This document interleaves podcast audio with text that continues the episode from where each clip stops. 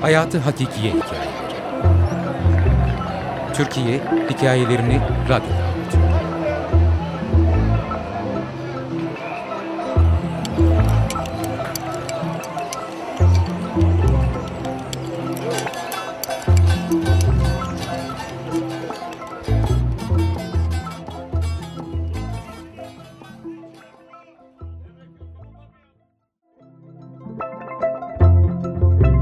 Kahve kavanozu. Eşim çocuklarla birlikte İstanbul'daydı. Bense görevimi nakledemediğim için annemle Ankara'da kalıyordum. 86-87 yıllarıydı hatırladığım kadarıyla. Haftanın üç günü İstanbul'da, dört günü Ankara'da geçiyordu. Dolayısıyla her hafta Ankara-İstanbul yolunu iki kez gidip geliyordum. O yıllarda uçak yolculuğu şimdiki kadar yaygın olmadığından otobüste seyahat ediyordum. Ankara'dan akşam üzeri yola çıktığımda eşim ve çocuklarım uyumadan evimde oluyordum. Geri dönüşlerimde ise o zamanlar hayatta olan annemi beni bekler bulurdum. Yola çıkacağım günler 17.30 seferine önceden yer ayırtmam gerekiyordu. İstanbul'a gidişlerimin birinde nedense yer ayırtmamıştım. Belki de o hafta sonu Ankara'da kalacaktım, hatırlamıyorum. Fakat öngördüğüm gibi olmadı. Ben yine aynı saatte gidebileceğimi düşünerek otobüs firmasının Kızılay bürosuna gittim. Yer yoktu. Belki son dakikada gelmeyen olur. Fakat terminale gitmeden bilemezsiniz dediler. Terminale gittim. Bir sonraki seferde bile boş yer yoktu. Tüm şirket elemanlarının amca dediği yaşlı, beyaz saçlı şoför, ''Hocam bekleyelim, bir çaresine bakacağız.'' dedi. Görevlilerden biri arka sıralarda bir kadın yolcunun iki kişilik yer aldığını ama tek başına oturduğunu, muhtemelen yalnız olduğunu söyledi.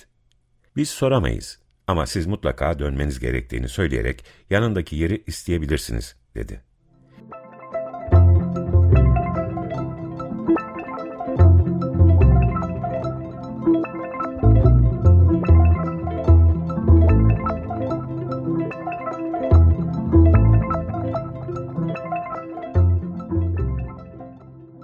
Otobüsün kalkmasına az bir zaman kalmıştı.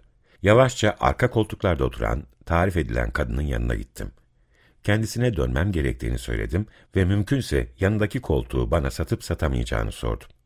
Kadın gayet sakin, diğer yeri kürküm için aldım, dedi. Ben gerisin geri döndüm.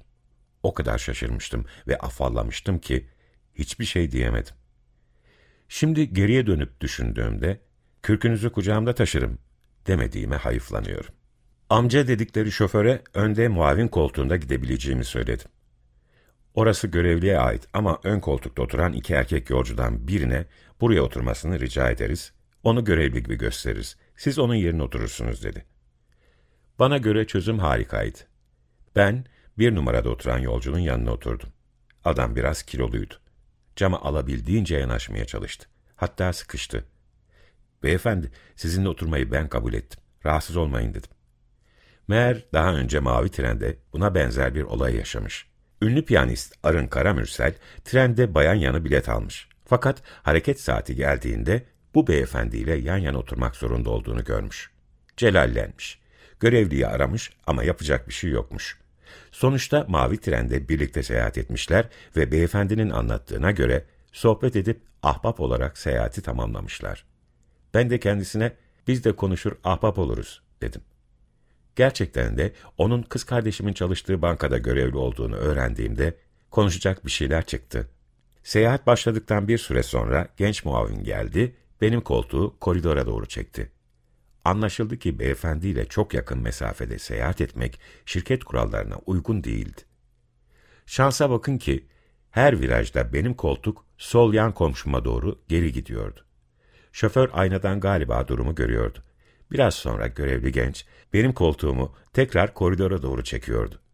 Tabii her virajda o ben gene komşu beyefendiye yaklaşıyordum. Saymadım ama bu durum birkaç kez tekrarladı. Herhalde yolu yarılamıştık.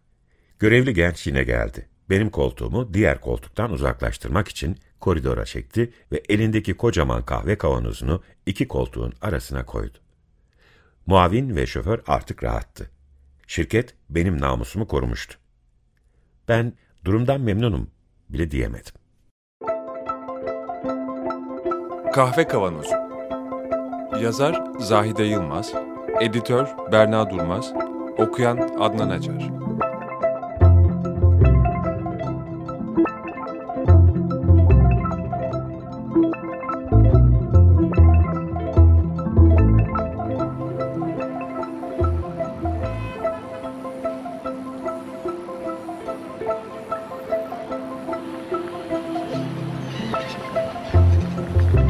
Hayatı Hakikiye Hikayeleri